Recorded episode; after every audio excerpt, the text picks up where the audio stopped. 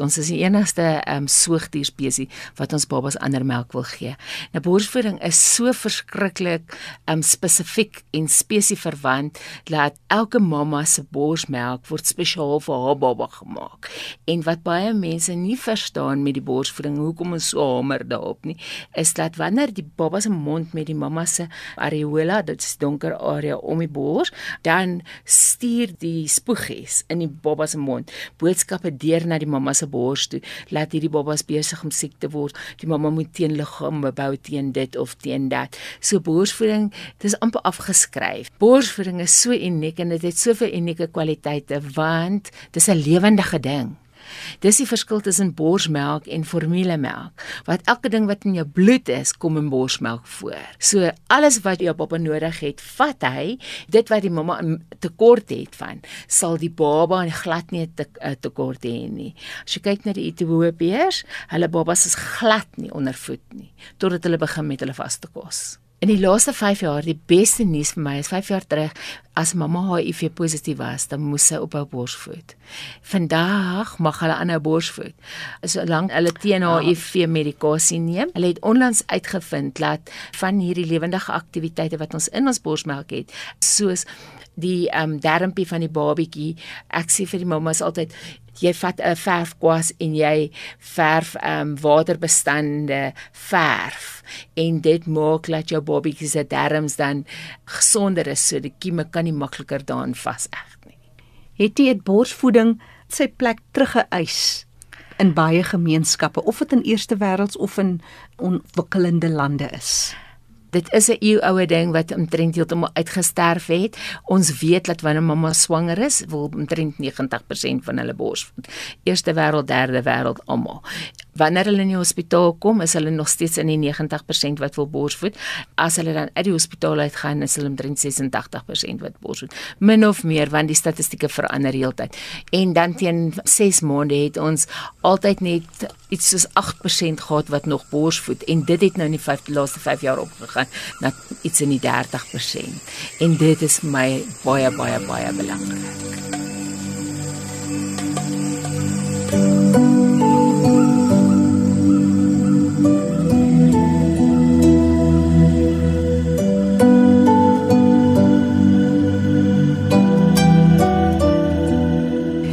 Omdat dit so 'n eeuoue ervaring is, voortplanting, is daar altyd die stories wat daarmee saamkom.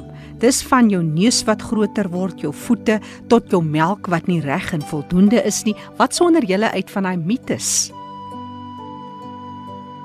In my area is meer by uitpomp. So een van die grootste mites wat ons kry met dit is dat hulle sê hoeveel jy uitpomp is 'n indikasie van jou melkproduksie. En dit is absoluut nie waar nie. Jou baba is 100 keer meer effektief om melk uit jou bors te verwyder as enige borspomp op die mark. Hmm. En daar's ook mense wat sê as jy byvoorbeeld net 20 ml uitkry, jou melk is nie sterk genoeg nie, jou melk is te flou vir jou baba, mm. melk is nie voedingswaarde nie.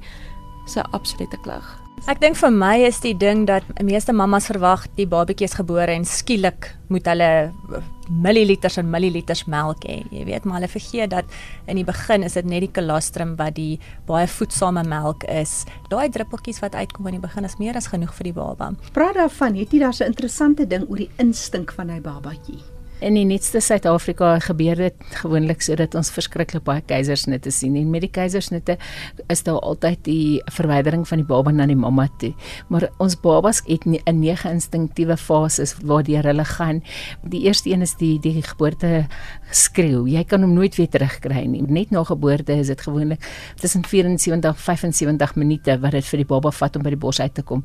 Ons maak die baba droog, maar ons maak nie die baba se hande droog nie want binne in die hande is daar die amniotiese se vog en die areola het um, mos daai Montgomery se tuberkels is sulke klein knoppies en dit skei nou daai bruin deel om die, die bors. Yes, daai knoppies skei vir ons 'n stof af wat net soos die amniotiese vog of die vrugwater reik. Dit maak dan die baba masseer die mamma se bors en dit maak dan dat die baba weet, maak spoortjies dat die baba na die mamma se bors toe kruip. En mammas is altyd baie bekommerd dat hulle tepels is nie reg vir die borsvoeding nie. Ek dink ons nie intervensies het nie, dan sal die baba daai tepel vat en hy maak nie saak hoe hy lyk nie.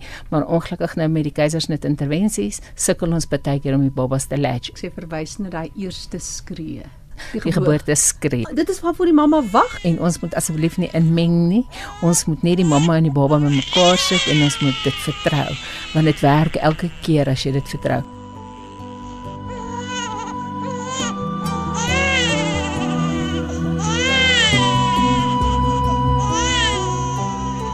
Daar statistieke wat wys as 'n mens vir langer as 6 maande ten minste 'n kind geborsvoed het, is jou kans om borskanker te kry later in die lewe baie verlaag. Jou kanse kan ook verminder word om eierstokkanker te kry as gevolg van borsvoeding. As jy borsvoed, dan menstrueer jy vir die eerste ruk nie. So daar's nie daai estrogen en goed wat afgeskei word wat dan die kanker later veroorsaak nie. En so het borsvoeding ook die beskermende faktore vir die kind om nie kanker te kry nie. Byvoorbeeld leukemie, as ook Hodgkin's disease. Selfs ook 'n mamma wat wel borskanker gehad het en dan nou in remissie is, sy kan nog steeds na die tyd dan ook borsvoed. Dan later haar kans verlaag om dan weer borskanker te kry. Die navorsing wys eintlik dat daar um, stemselle is in die borsmelk wat dan die kind beskerm teen die kanker ook. As ons kyk byvoorbeeld net na asma, vetsig oorgewig um, later in die lewe, daar's talle voordele van borsmelk wat vir daai kind gegee kan word. Een van hierdie voordele is duidelik vir kinders met spesiale behoeftes. Ek gesels met 'n mamma van 4 kinders. Drie van my kinders het spesiale behoeftes. Gian, my seun met Down syndroom. Ek het 'n bietjie gesukkel met my borsvoeding met hom want hy kon nie latch nie. Baie keer moes ek uitmelk en vir hom met 'n teelepeltjie voer wat hy kon nie eers die inspuitingkie vat nie. En weet jy in retrospect was dit een van die beste besluite wat ek kan neem want dit het hom so groot immuniteit gegee baie kinders met sy kondisie um, sukkel vreeslik met hulle immuniteit en Gian is baie gesond en Down syndroom het ook 'n fisiese yes. probleem met die ja. tongetjie yeah. yes. en dan toe jou ander seentjie Leo is weer gebore met um, autisme maar hy het geen probleem gehad met die latching ek het al vier my kinders geborsvoed dit was vir my 'n fantastiese ervaring omdat ek 'n tuisgeboorte gehad het was was my ervaring ongelooflik intiem met my kind. Ek het eintlik watergeboortes gehad. Ek het 'n vroedvrou gehad en my heel laaste kind het die die nurse nie vinnig genoeg opgedaag nie. So dit was letterlik ek en my man. Dit was die most amazing ervaring. Um Abigail was gebore. Was toe met die met die vroedvrou oor die foon en dit was 'n fantastiese ervaring en daai eerste Jy weet latching. Dit was niks wat dit beskryf. Daai band tussen jy en jou kind. Die vel tot vel kontak was amazing. En dan ook met Gian, ons seun met Down syndroom, omdat hy prem was, het ons ons moes kangaroo therapy met hom doen. So hy het vir die eerste paar ure van sy lewe het ek en Hannes beurte gemaak om vel tot vel terapie te doen met hom. Wat al kon hy nie veel melk uitkry nie. Ons het net nog steeds laat hy borsvoed ehm um, soveel as wat hy kon.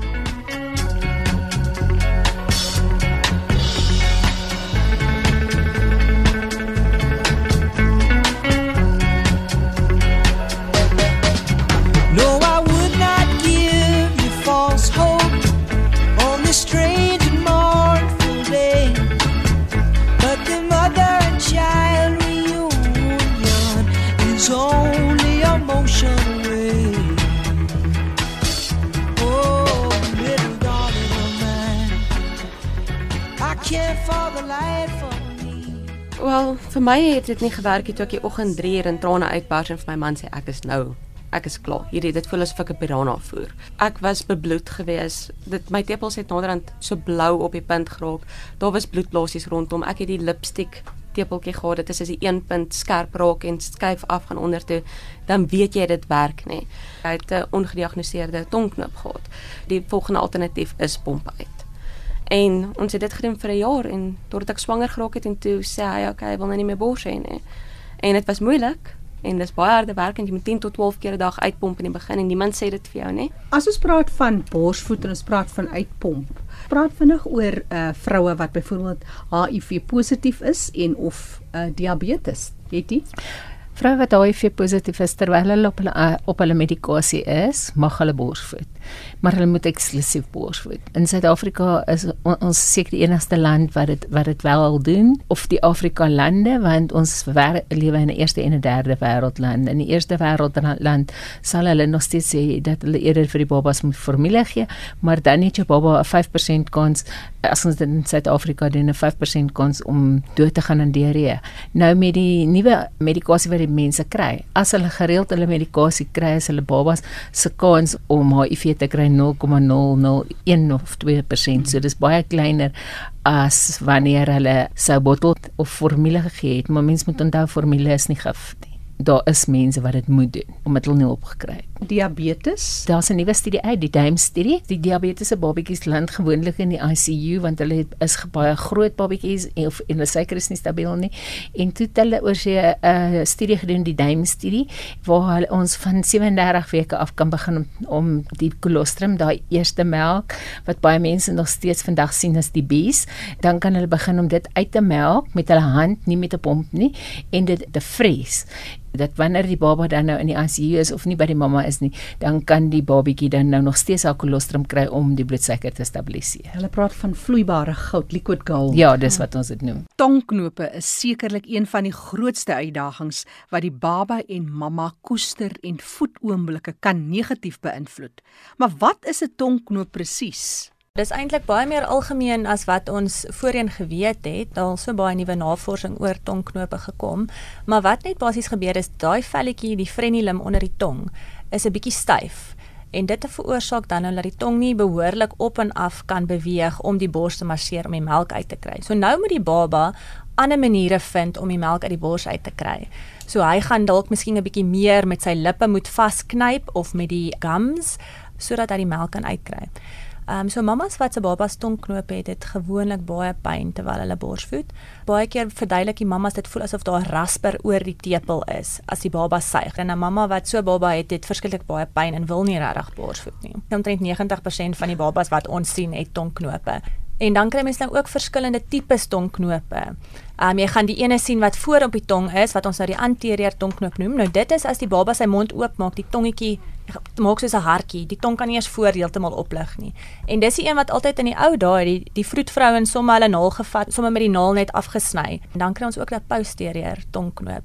En daar moet iemand wat weet hoe 'n uh, laktasie konsultant wat opgelei is, wat weet hoe om te kyk daarvoor. Dis die een wat die probleme die meeste veroorsaak. En dis 'n baie eenvoudige prosedure. Jy het vertel hmm. Jolandi dat die dokter dit in sy spreekkamer gedoen het. Jou klein babatjie wat nou so rustig lê en borsvoed, het geslaap deur die proses. Ja, hy het net lokale verdowing onder die tongetjie gesit, die skalpeltjie gevat en twee snytjies gemaak want daarna was bietjie diep geweest en sy het aangehou slaap. My kleindogter is nou 7 maande oud en sy het ook een maar sy het 'n baie dik een in die agterste ene gehad. Die dokter gebruik nie die plaaslike verdowing nie. So ek het daar vasgehou want mamma wou nie en toe ek haar so vashou toe die dokter die velletjie knip. Toe kan jy voel hoe jou hele boonste lyfie so agteroor gaan want dit maak al jou spiere. Ja, dis 'n verligting. Vas.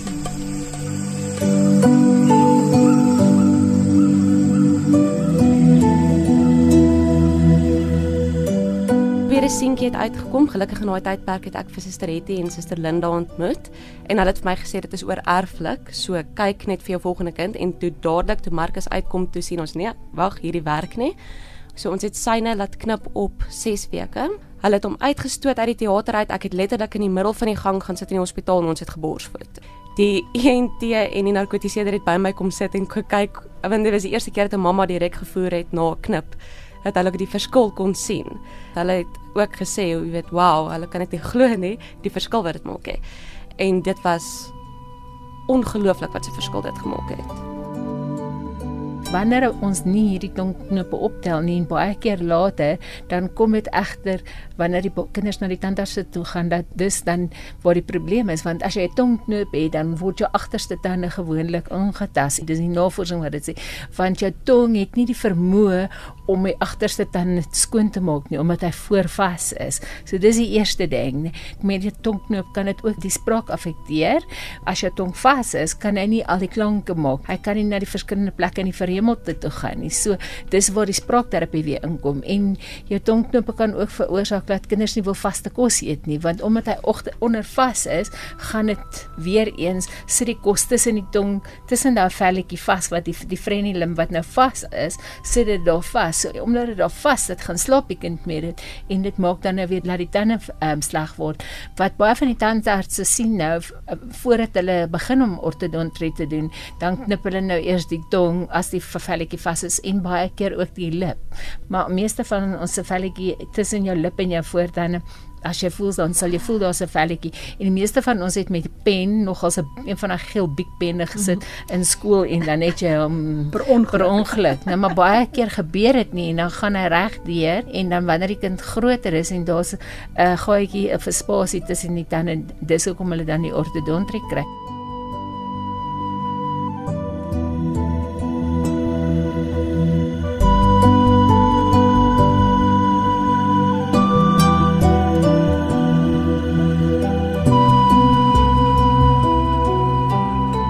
Besondere kwaliteite van borsvoeding in die heling van die mamma. Ek het gelees dat die melk self, as die ma byvoorbeeld seer in in gevoelige borste het, dat sy sommer dit kan aanmasseer. Dit is die enigste iets wat regtig werk. Hulle het op allerlei arome en alles en daar's navorsing gedoen. Ja, van die arome is effektief, maar die enigste iets wat ons regtig nodig het is om die borsmelk aan die tepels te smeer of die kolostrum want dit het helende eienskappe. So dis die beste ding om te gebruik as nadat ons jou latch herstel het. As jy seer tepels het, dan het jy 'n latch probleem. En hy koue koolblare. Maar daar's ook navorsing wat gewys het dat die koue koolblare het iets in wat werklik help, maar dit droog die melk op. Jolande, jy het jou 2 weke oue baba vandag hier by ons en sy gesels saam regte ander vroutjie hier in ons midde. Wat is haar naam? Dis Karla. Ekskuus julle Karla, is Karla is bietjie bietjie ontsteld. Jy het vroeër Kan ek haar op die bors sit? Ja. Is dit reg met julle? Ekskuus, maar ek dink dit is dis wat sy wil hê. Al wat gaan werk. Dis al wat gaan help. En julle moet maar verskoon, hierdie is nie 'n borsvoetrok nie. So Gelukkig nie. Gelukkig het ek nie 'n skaamte in die wêreld oor nie. Hierdie is nommer 3 en nou nommer 1 is jy soos wat jy Dan weet. is jy genees van enige Ja nee, skaafheid. wat moet gebeur moet gebeur. My Ja. kind se needs kom bo enigiemand anders se ongemak. Ons praat oor die heling, die die genesing van borsvoeding. En soos jy sê, daar's geen meer skaamte nie. Ek dink 'n baba en borsvoed genees jou van soveel onsekerhede en soveel selfbewustheid en al daai onnodige goed wat ons as vroue so moet ons saamdra want onthou ons is altyd te vet of ons hare is te krullerig of ons die weer is nie reg, daar's altyd net 'n fout. Maar dit is ook 'n helingsproses. Dit is verseker. Ag jy weet die sosiale druk is maar altyd daar so wat mense, jy weet, daar sal altyd iemand wees wat na jou kyk en frons. Ag jy weet, hulle moet maar wegkyk en frons. Dit gaan vir my oor 'n lyfie. En 'n baba se prioriteite kom ver bo 'n ander ou se ongemak. Maar borsvoeding het ook meer as net daai onmiddellike en ooglopende uh, helingswaardes. Jy het vroeër gepraat van die sametrek. Ja, dis reg. Wat ons gedoen het is ons het direk wanneer ons gekraam het, was my babatjies direk op my maag gesit en ons het hulle die breast scroll laat doen op na die borste. En die oomblik wat hulle op jou maag is en hulle begin hulle beentjies beweeg en hulle beweeg hulle armpies en hulle druk op jou, jou baarmoeder kry kontraksies. Dis bietjie intens en dis bietjie meer intens as wat normaalweg is, maar wat goed is want dit maak dit jou baarmoeder teruggaan na sy oorspronklike vorm baie vinniger. Toe so dit maak die bloeding bietjie minder en mens genees net soveel vinniger. Want as jy op jou maagie druk en kan jy jou baarmoeder voel, jy voel hoe groot hy is. En as sodra hy drink dan voel hy my maak soos 'n lemoen. Hy hy trek letterlik so knop. Jy bloei baie minder. So jy genees bietjie vinniger. As laktasiekonsultante, wat is van die ander terugvoer wat jy kry by hierdie mammas? Vir my is dit as ek 'n oproep kry en iemand vra vir my vir hulp en jy kom daar 90% van die tyd hoef jy niks te doen nie. Veral ek wat nou uit uit 'n vorige generasie uitkom. Daai tyd het ons die babas aan die maas, ons het hulle aangesit. Nou die nuutste tendens met die breast scroll en met die nege instinktiewe fases is as jy daai mamma sien nadat jy geskiedenis gedoen het, observeer jy haar en dadelik sien jy, okay, daar's 'n probleem, daar's 'n probleem. Maar baie keer is dit regtig net om vat te sê laat jou babatjie op sy maag lê. Ja. Dan sê sy vir my, dis nie seer nie. Sê ek, is dit op 'n skaal van 0 tot 10, hoe seer was dit? Dan sê sy vir my 12. Sê ek en nou dan sê sy dis nie seer nie, is 2. Nie almal van ons is bevoordeel om met 'n laktasiekonsultant te werk nie. François, as jy nou een of twee idees kan gee aan 'n mamma wat ook 'n bietjie sukkel, alhoewel baie van die goed is eintlik maar instink. Ja, Dis nou 'n aanleiding van die kursus wat jy ook geloop het by iemand soos Hetty. Baie belangrik wat jy gesê het, jy weet mamas moet hulle instinkte volg. Hulle soek net 'n bietjie reassurance, hulle die regte ding doen. Ek dink die belangrikste ding wat mamas moet onthou is as dit seer is as 'n baba borsvoed, dan is dit nie reg nie. Borsvoeding is nie veronderstel om seer te wees nie. Dis die belangrikste ding. Baie mamas sal aanhou voer en sê dis seer, maar ek het my aangehou want jy weet die baba moet melk kry. As dit seer is, haal die baba af en probeer weer. Moenie aanhou voer op daai tepel as dit seer is nie, want dit gaan meer skade doen as wat dit eintlik goed is. So dis die belangrikste ding. Dit moet 'n lekker ondervinding wees vir die mamma. Ja, ek dink ook ons moenie altyd na Dr Google toe gaan vir antwoorde nie. So dis beter om om liewer iemand te kontak wat weet waarvan hulle praat en direk met daai persoon te praat as deur dit te probeer Google.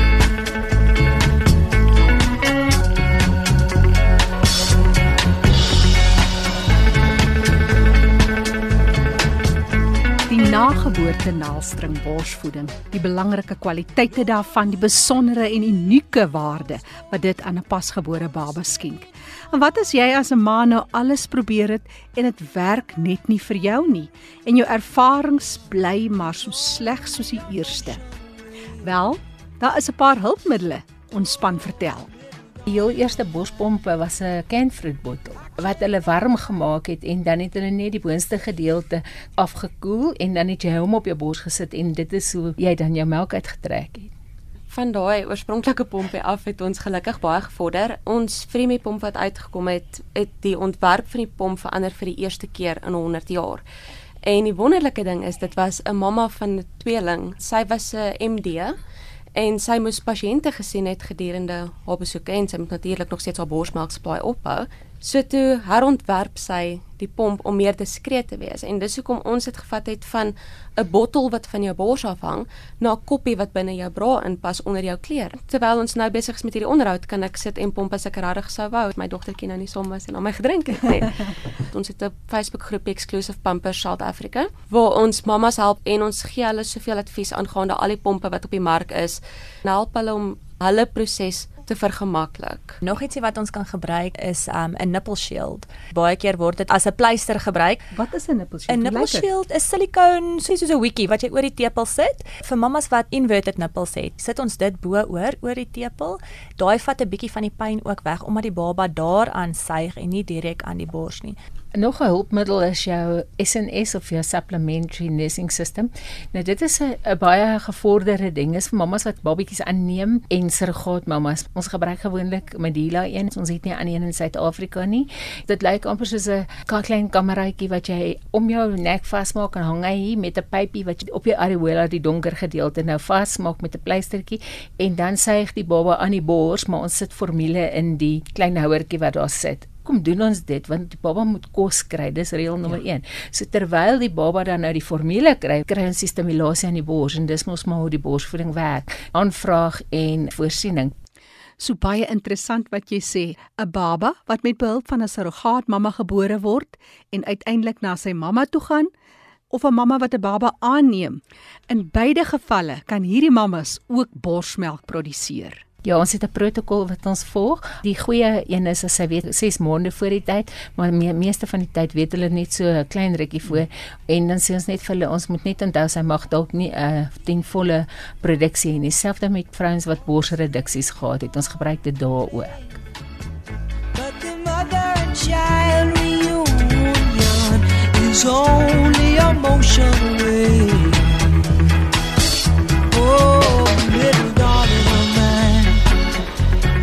Can't for the life of me. As ek vir mammas advies kan gee, never quit on a bad day.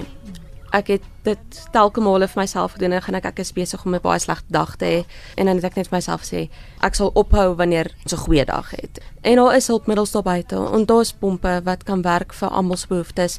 Daar's baie Facebook groepies wat hulp het. Lilish League Exclusive Pampers South Africa weer eens wonderlike groep. Gee baie advies oor pompe, kan actually praat daaroor. Partykeer wil jy net afpak en jy wil net vir iemand sê, jy weet wat dit is net nie lekker nie. Dis oukei, okay, môre gaan dit weer lekker wees. As jy afkyk na jou kind en jou kind los jou tepel en glimlag vir jou. Mm. Dis die beste oomblik. Jy kan dit nie vervang nie. Jy is die enigste persoon wat wat vir jou kind daai voedingsstowwe kan gee en dit is so 'n wonderlike gevoel. Daar's niks wat dit kan vervang nie. Fokus op die goeie dae. Wanneer baba gebore is, het hy al hierdie tyd net deur die naaldstring gevoer geword en die eerste oomblik as die naaldstring afgeknip word, jou borste, dit neem die plek van die naaldstring in. Almal glo hulle liggaam kan 'n baba vir 9 maande dra, maar niemand glo dat hulle borste kan vir hulle babas voer vir 6 weke of so nie. Hulle moet kort doelwitte stel van die naaldstring word actually verleng met die tepel en met die borsvoeding.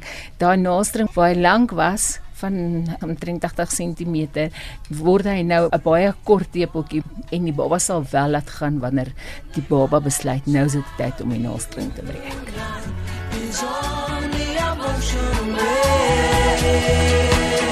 oh,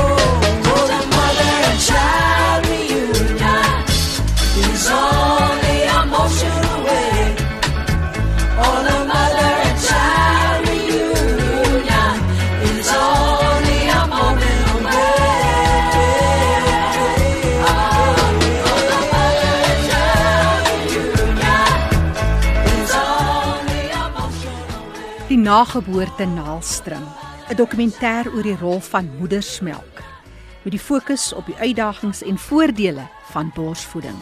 Saamgestel deur Jackie January in Johannesburg. Met besondere dank aan Suster Hetty Groewe. Sy is 'n gespesialiseerde vroedvrou, 'n internasionale borsvoedingskonsultant en 'n Suid-Afrikaans gesertifiseerde laktasiekonsultant en 'n opvoeder van laktasiekonsultante. Suster Françoise van der Westhuizen, ook 'n gesertifiseerde laktasiekonsultant, en dan Jolandi Meyer van Free Me Suid-Afrika. Sy's 'n mamma van 3 en ook 'n doula. En Jana Viljoen, 'n musikant. Sy's ook betrokke by brainchildfund.org en sy het 4 kinders, waarvan 3 van haar kinders spesiale behoeftes het.